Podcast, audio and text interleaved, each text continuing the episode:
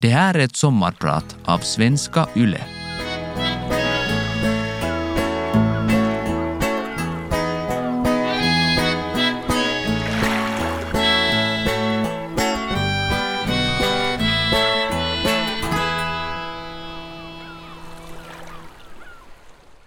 Ett av mina mest vågade beslut var när jag flyttade till England som 16-åring.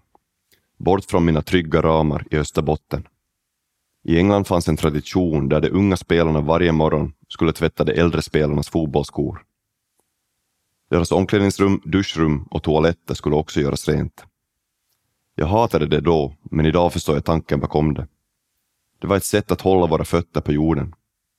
Ingen kunde luta sig tillbaka bara för att man var ungdomsproffs i en av de största klubbarna i fotbollsnationen England. Att visa ödmjukhet var och har alltid varit viktigt i min bransch. Jag säger inte att det gör det till proffs när du tvingas skrubba toaletter, men det kan i alla fall bidra till att motverka högmod. Jag heter Tim Sparv, jag är professionell fotbollsspelare och jag är din sommarpratare idag. När jag var 15 år gjorde jag mina första matcher för landslaget. Vi mötte Holland i en dubbellandskamp och resultatmässigt gick det inget vidare.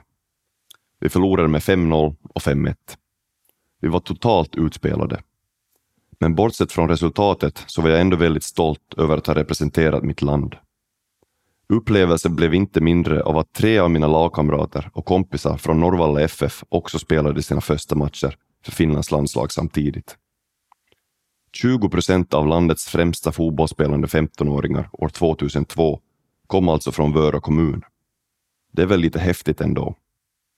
Vad kan det tänkas bero på? Jag tror starkt på att det är miljön och inte arvet som påverkar oss. Under min uppväxt i Österbotten så befann jag mig i en miljö som formade mig ytterst positivt.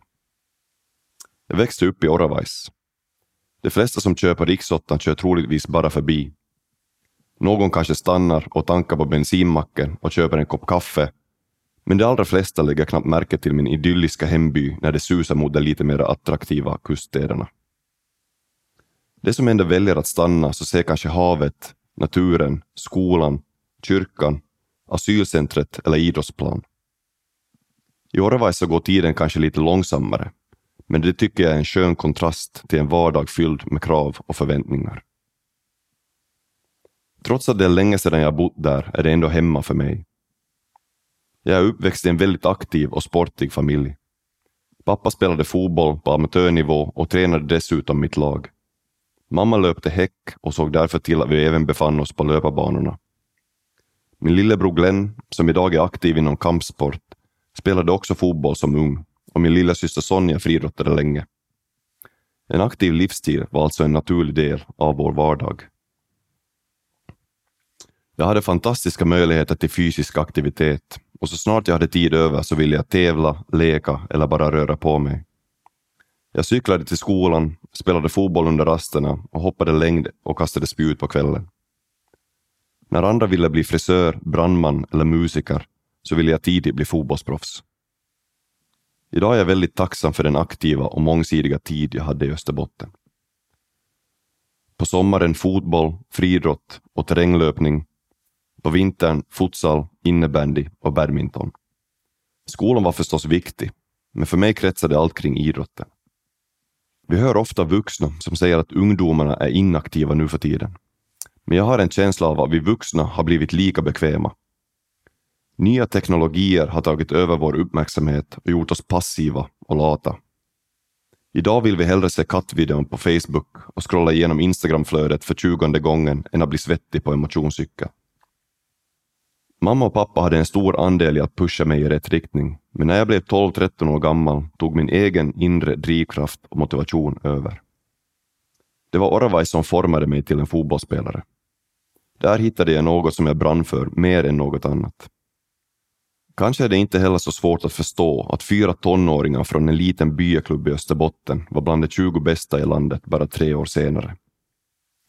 Man tror kanske att huvudstadsregionen och de resursstarka klubbarna där skulle kunna erbjuda bättre förutsättningar för unga fotbollstalanger.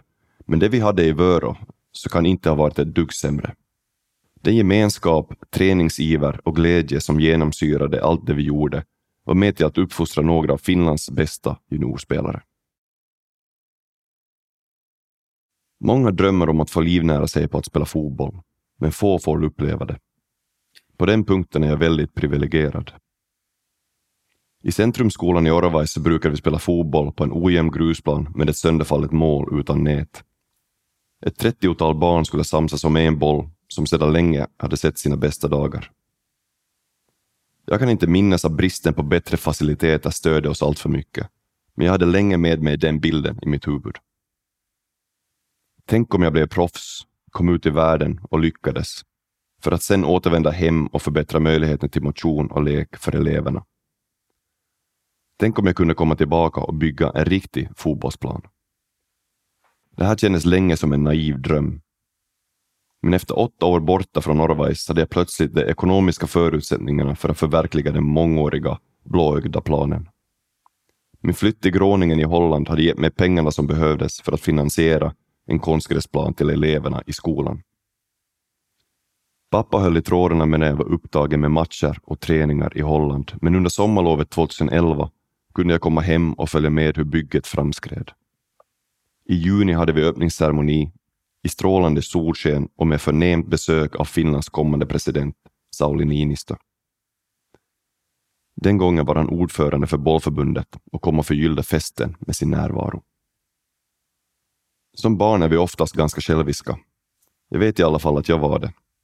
Jag var så fast i min fotbollsbubbla att jag inte registrerade att det fanns annat i världen som också var viktigt. Som tur så började det bli bättre. Vi som sitter på så här privilegierade ställningar har ett ansvar att ge tillbaka till samhället. Jag vill bidra till att andra får det bättre. Fotbollen har gett mig otroligt mycket och nu vill jag ge tillbaka. Båda skolplanerna jag hittills varit med och byggt, både den i Oravais och den i Vasa nyligen, har inte bara varit till för eleverna. De är även öppna för allmänheten. En av de många positiva följderna med planen i Orvais var att det gav många av flyktingarna från det närliggande flyktingcentret en extra, mera motiverande sysselsättning om kvällarna. Det känns bra att kunna hjälpa de som inte alltid haft det så lätt. Det här handlar i slutändan inte om att försöka skapa nya fotbollsstjärnor. Det handlar om att skapa bättre förutsättningar för motion och lek.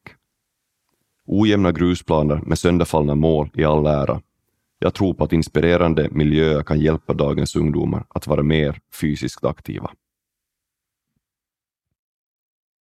Blanda inte sport och politik. Det får jag ibland höra.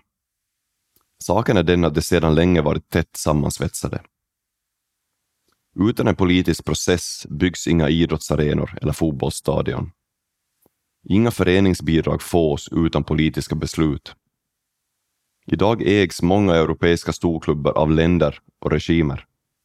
Manchester City och PSG är bara några av de klubbar som har ägare som delvis använder klubbarna som politiska slagträn. OS i Mexiko 1968 kommer alltid att bli ihågkommet för Tommy Smiths och John Carlos ställningstagande under medaljceremonin. Den ikoniska bilden togs under den amerikanska nationalsången när Smith och Carlos står med en arm sträckt uppåt och med knuten näve. Aktionen var löparnas sätt att sätta fokus på mänskliga rättigheter och framförallt den mörkhyade situation i USA. Allt fler idrotter har börjat förstå vilka ypperliga möjligheter de har att påverka i samhället. I och med sociala medier och de teknologiska framstegen har idrotten fått helt nya arenor som de bara kunde drömma om tidigare.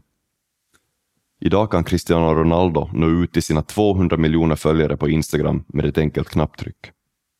Tänk vilken möjlighet han har att förbättra världen genom sin status som en av världens bästa fotbollsspelare. Under de senaste åren har mitt samhällsintresse ökat och jag har också allt oftare fått frågor om annat än fotboll. Det har varit väldigt givande och kul. I min roll som landslagskapten så känner jag att det är mitt och lagets ansvar att vara med och påverka och vara en förebild för dem som följer oss. Megan Rapinoe, LeBron James och många andra har valt att använda sin röst i den offentliga debatten. Det har de blivit hyllade för, men det har även fått sin beskärda del av kritik. Håll dig till din sport, brukar jag få höra ibland när jag väljer att yttra mig. Som elitidrottare får man räkna med att få kritik om man väljer att öppna sin mun. Det är antagligen det som skrämmer vissa idrottare från att våga ta en större roll utanför idrottens ramar. De är ängsliga för vad deras klubb, supportrar och media tänker.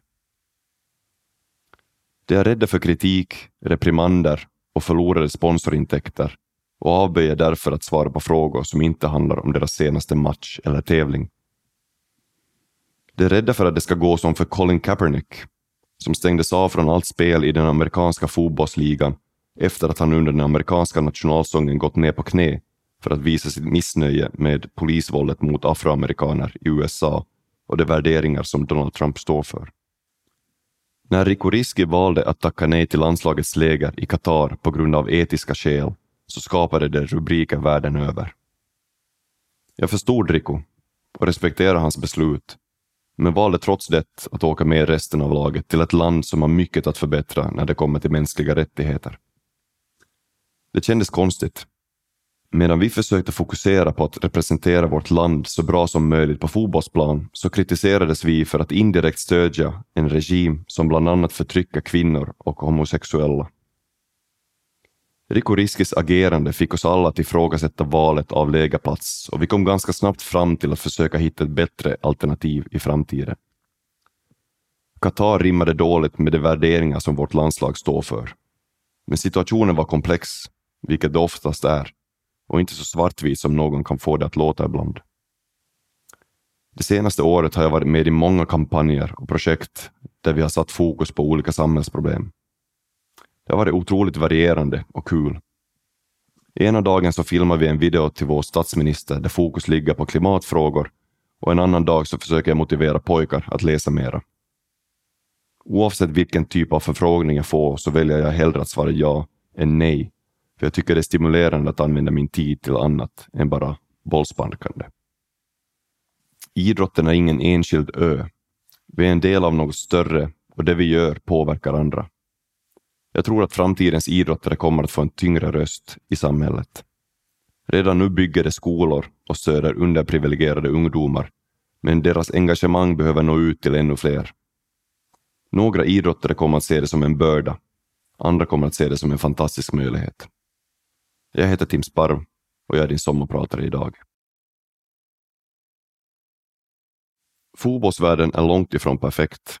I min värld finns allt från rasism både på läktaren och planen, till mutor bland de högsta cheferna i det internationella fotbollsförbundet Fifa. Vadslagningsfirmornas allt större roll i världsfotbollen är knappast heller en sund utveckling. Men ett område där framstegen går åt rätt håll är damfotbollen. Intresset växer och de stora klubbarna ute i världen, som till exempel Juventus och Real Madrid, väljer att satsa på ett damlag. Det betyder mycket att världens absolut populäraste klubbar väljer att även investera i ett damlag. Symboliskt är det betydelsefullt att även de tar damfotbollen seriöst och är beredda att jobba för en värld där allt fler flickor kan ha samma galna fotbollsdrömmar som pojkar länge haft, nämligen att kunna leva på fotboll. Vad behövs då för att lyfta damfotbollen till nästa nivå? Till att börja med bättre faciliteter, högre ersättning och en proffsigare vardag. Ett lyckat VM med hyfsat mycket folk på läktaren är förvisso fint, men det förändrar ju inte vardagen nämnvärt för en ligaspelare i Finland. Här kämpar många fortfarande med att få saker och ting att gå ihop. Många pusslar ihop jobb och studier med en satsning på fotboll och det förstår alla att det är långt ifrån optimalt. Alla som jobbar med fotboll i Finland bör ha som prioritet att skapa bättre förutsättningar för våra kvinnliga fotbollsspelare. I det finländska landslaget har kvinnor och män sedan september i fjol samma bonusupplägg. Vi skar i herrlagets egna bonusar så att förbundet kunde förhandla fram ett bättre kontrakt till damerna. Det är historiskt och något jag är stolt över. Det känns viktigt att vara med och stötta våra kvinnliga kollegor i deras karriärer och att försöka utveckla damfotbollen. För att skapa ännu bättre resurser för kvinnliga idrottare behöver vi alla rent konkret gå och se flera matcher och tävlingar. Sponsorer borde öronmärka en större del av deras sponsorpengar i dam och flickidrott. Vi behöver få flera kvinnor in på ledande poster i de styrande organen runt om i världen. Media ska vara med och sätta fokus på kvinnliga idrottare i allt större utsträckning än tidigare för att skapa ett större intresse och fler kvinnliga förebilder och förbund, stiftelser och andra organisationer ska se till att med sina beslut och värderingar att alla, oavsett kön, ges samma möjligheter att ägna sig åt idrott. Jag är medveten om att det för tillfället är väldigt svårt att få det att gå runt och inte minst att tjäna pengar när man som fotbollsklubb, sponsor eller investor vill gå in och investera i damfotboll. Produkten är inte ännu lönsam och det avskräcker många. De första stegen har tagits, men det är oerhört mycket jobb kvar. Damfotbollens potential är stor och därför hoppas jag att den positiva utvecklingen fortsätter så att vi i framtiden har skapat en ännu bättre miljö för våra kvinnliga fotbollsspelare. Istället för att ständigt kolla på de röda siffrorna längst ner så tycker jag vi just nu ska se en satsning på damfotbollen som en del av det jämställdhetsarbete som pågår runt om i världen och skapandet av en kultur och ett samhälle där alla har lika goda förutsättningar. A-landslaget var otroligt namnstarkt när jag i slutet av 2008 blev en del av Finlands flaggskepp. Littmanen, Hypia, Forsell, Jääskeläinen, Väyrynen med flera utgjorde troligtvis den bästa trupp som A-landslaget någonsin sett. Laget som i folkmun kallades Kultainen sukupolvi, den gyllene generationen. Att tillbringa tid med Finlands bästa fotbollsspelare var väldigt betydelsefullt för en 21-åring som var långt ifrån en färdig produkt. Hierarkin var tydlig och jag tog ödmjuk plats längst bak i kön. Jag lyssnade på vad de äldre spelarna sa och reflekterade över vad jag såg på träningarna. Jag var nyfiken och villig att lära mig. Det var otroligt givande att vara en del av A-landslagsmiljön och att på nära håll se spelare som Littmanen och Hypia i aktion. Jag gillade Hypias varma och välkomnande personlighet och han fick genast de nya spelarna att känna sig som hemma. Littmanens spelintelligens på planen och hans noggrannhet och professionalism utanför gjorde mig medveten om vad som krävdes på allra högsta nivå. Jag lärde mig mycket under de första åren. Jag minns framför allt en av mina första matcher med A-landslaget mot Tyskland i Hamburg 2009. Vi spelade en fantastisk match och var nära att vinna innan Lukas Podolski kvitterade. 1-1 på bortaplan kändes hur som helst mäktigt mot en nation som hade blivit tvåa i EM ett år tidigare. Men i omklädningsrummet efteråt så fick min belåtenhet sig en törn. I hörnet satt nämligen Littmannen och grämde sig. Istället för att glädja sig över en spelmässigt och resultatmässigt bra prestation så satt han istället och funderade hur vi framöver kunde göra det ännu bättre. Hans ögon och kroppsspråk vittnade om en man som var långt ifrån nöjd. Ett oavgjort resultat mot Tyskland var inte en anledning till fest för vår kapten, utan en anledning till att kritiskt se sig i spegeln och fråga varför vi kastade bort segern i matchens slutskede. Litmanen ville ha mer och den typ av hunger ville han även se från en av lagets yngsta medlemmar. Att den gyllene generationen aldrig tog sig till ett slutspel var för de flesta överraskande. När jag först kom med så var jag säker på att det enbart var en tidsfråga innan det skulle ske. Visserligen började vissa av dem komma upp i åren och några hade redan slutat, men det kändes overkligt att dessa lirare aldrig skulle få den framgång de förtjänade. Det tog sig aldrig till ett mästerskap, men det var det bästa landslag Finland någonsin sett.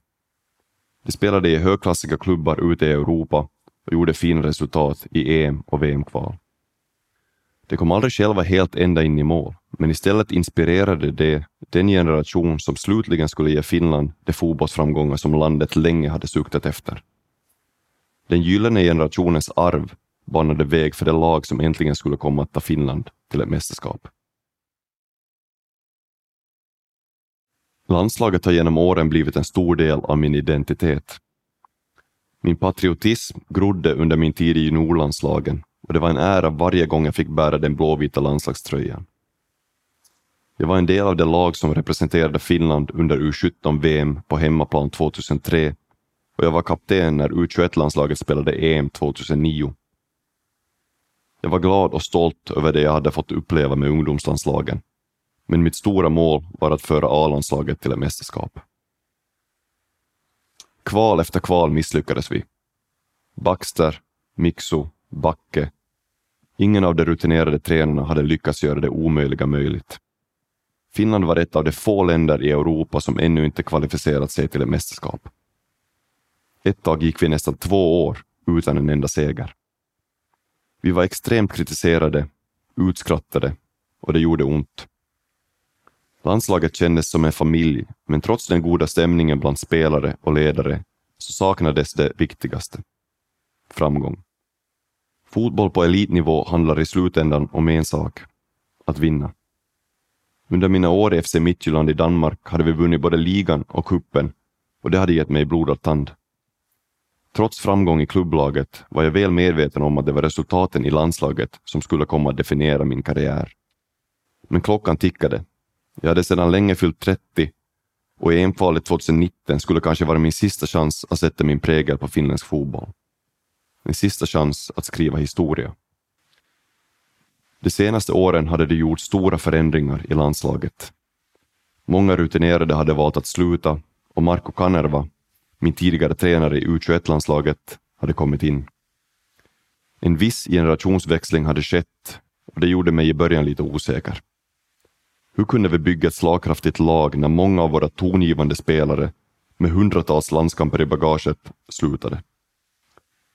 Integreringen av det nya gick smärtfritt och det kom att införa både kvalitet, energi och sunt självförtroende. Det skulle visa sig att min ängslan var obefogad. De äldre tog ett större ansvar och började spela bättre än någonsin. Generationsväxlingen visade sig vara en välsignelse och bidrog till att göra oss ännu mer sammansvetsade.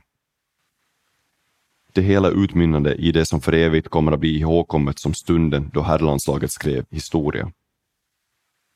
I en grupp med Italien, Bosnien, Grekland, Armenien och Liechtenstein så blev vi slutligen tvåa och kvalificerade oss därmed till EM för första gången någonsin. Att beskriva känslan i omklädningsrummet efter den avgörande matchen mot Liechtenstein i Helsingfors i november i fjol är i princip omöjligt. Champagnekorkar flög från ena sidan till den andra, musik spelades på full volym och vuxna finländska män visade känslor som jag aldrig sett tidigare. Det var en kväll vi aldrig kommer att glömma. En kväll då årtionden av frustration och besvikelser byttes mot eufori. Jag är otroligt stolt över varje individ som varit med på den här resan. Alla spelare, alla tränare och speciellt alla som jobbar i det tysta och som kanske inte alltid får de rubriker de förtjänar. Många av dem har jobbat i över 20 år i landslaget, så därför känns det extra stort när de äntligen kommer att få uppleva ett mästerskap. En annan grupp som också har en stor andel i vår succé är våra fantastiska supportrar som alltid stått där, troget och lojalt, även igenom de tuffa perioderna. Oavsett om det var en bortamatch i Jerevan eller hemmamatch i Tammerfors, så har vi kunnat lita på att det fanns en drös med finländska supportrar på plats. De har investerat massor med tid och pengar på att följa oss och det gör mig otroligt ödmjuk. Som spelare är man ingenting utan sina supportrar. Efter att ha varit en del av landslagsmiljön sedan 15 års ålder så betyder det här oerhört mycket för mig personligen. Det är en av livets absoluta höjdpunkter. Min identitet är efterhand starkt förknippad med landslaget och jag har lidit, som så många andra, när det gått dåligt. Alla kval som slutat i besvikelse. Alla matcher som lovat så mycket mer. Man brukar säga att när man väntar på något gott så väntar man aldrig för länge. Och det är väl ganska passande ordspråk för alla de som passionerat följer det finländska landslaget. Inte ens ett coronavirus kan rubba vårt humör just nu. Har vi väntat i hundra år så kan vi nog vänta i ett år till. Jag är 33 år och har kommit upp i åldern när man börjar fråga fotbollsspelare vad de ska göra efter sin spelarkarriär. Oddsen är ganska låga för att jag fortsätter inom fotboll och då blir det förhoppningsvis som tränare. Allra helst vill jag jobba med unga spelare. Det är nämligen den miljö som jag känner skulle passa mig bäst just nu. Det är väldigt motiverande att jobba med unga och ambitiösa spelare och försöka hjälpa dem igenom några av de fallgropar och motgångar som alla spelare i något skede möter. Steget från ungdomsfotboll till seniorfotboll är speciellt utmanande och där tror jag det kan vara lönsamt ifall man som tränare själv kan dra lärdom av sina egna erfarenheter. En av mina tuffaste tider var när jag bytte Southampton mot Halmstad. En ungdomsmiljö med fokus på utveckling till en miljö där det handlade om att ta poäng, skitsamma hur det såg ut. Jag hade svårt att hantera det till en början. Jag var dålig på att ta kritik. Jag blev sur och negativ när tränaren satte mig på bänken. Jag tappade modet när jag gick skadad. Alla dessa erfarenheter har gjort mig mera robust idag. Jag lärde mig av mina fel men det tog sin tid Och ibland undrar jag om inte jag hade kunnat hantera motgångarna bättre och mera konstruktivt om det fanns någon med liknande upplevelser som kunde sätta ord på de känslor och tankar som fyllde min vardag. Den någon vill jag gärna vara för nästa generation fotbollsspelare. Talangutveckling är spännande, men också väldigt utmanande. Jag har från nära håll sett hur några av mina tidigare lagkamrater gått från att vara unga talanger till att bli några av världens allra bästa fotbollsspelare. Virgil van Dijk och Gareth Bale är några av de som nått längst. De är båda Champions League-vinnare och kapten för sina respektive landslag. Bale såldes 2013 till Real Madrid för 100 miljoner euro och Van Dijk blev vald till världens näst bästa fotbollsspelare i en omröstning i vinter. Nummer ett på listan var Lionel Messi. Trea blev Cristiano Ronaldo. Men för varje Bale och van Dijk så har jag sett allt för många spelare som av en eller annan orsak inte spelar fotboll idag. Spelare som hade potential att bli proffs. Vad är det som gör att en del lyckas och andra inte? Det är så mycket som ska stämma för att en ung spelare ska nå sin fulla potential.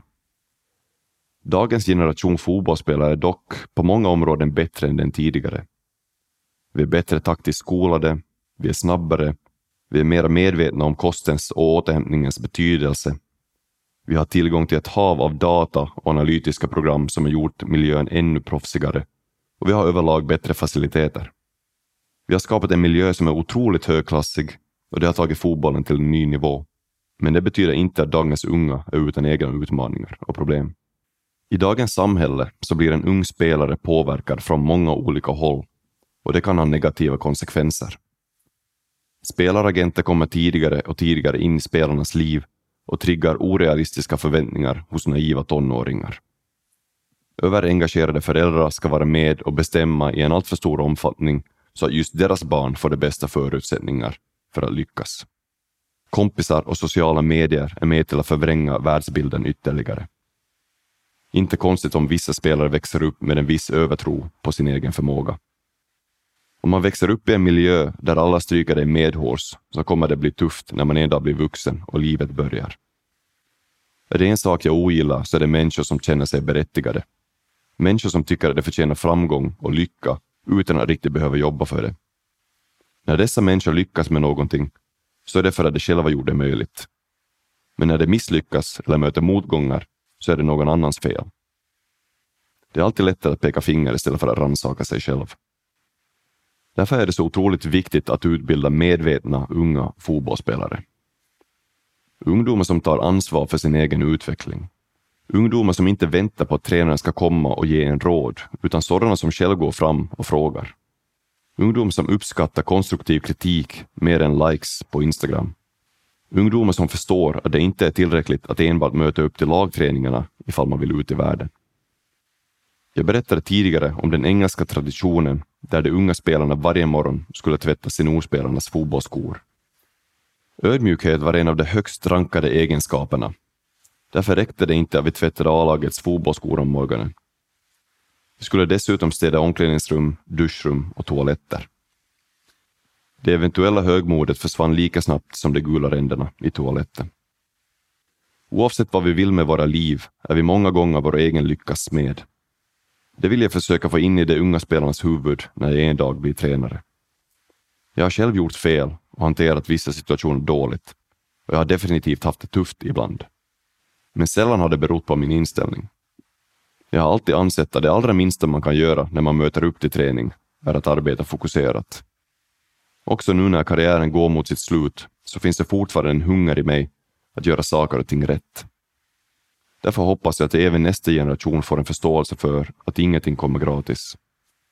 Vill man förverkliga sina drömmar så krävs det systematiskt hårt jobb under en lång, lång tid. Du gör ditt bästa, mera kan du inte göra, brukar mamma säga. Ett tafatt försök att motivera sin son inför en viktig match. Men om man tänker på det så är det ju trots sin banalitet en enkel och jordnära livsfilosofi som vi tryggt kan luta oss mot. Det där med att försöka vara perfekt har jag för länge sedan övergett. Jag är fortfarande driven och fokuserad i allt det jag gör, men jag har insett att allt inte alltid blir som man hade tänkt. Inte ens EM i år. Och det är helt okej. Okay. För så länge vi gör vårt bästa så räcker det. Mer kan man enligt mamma inte kräva av en människa. Från mitt vardagsrum i Silkeborg önskar jag alla en riktigt trevlig sommar.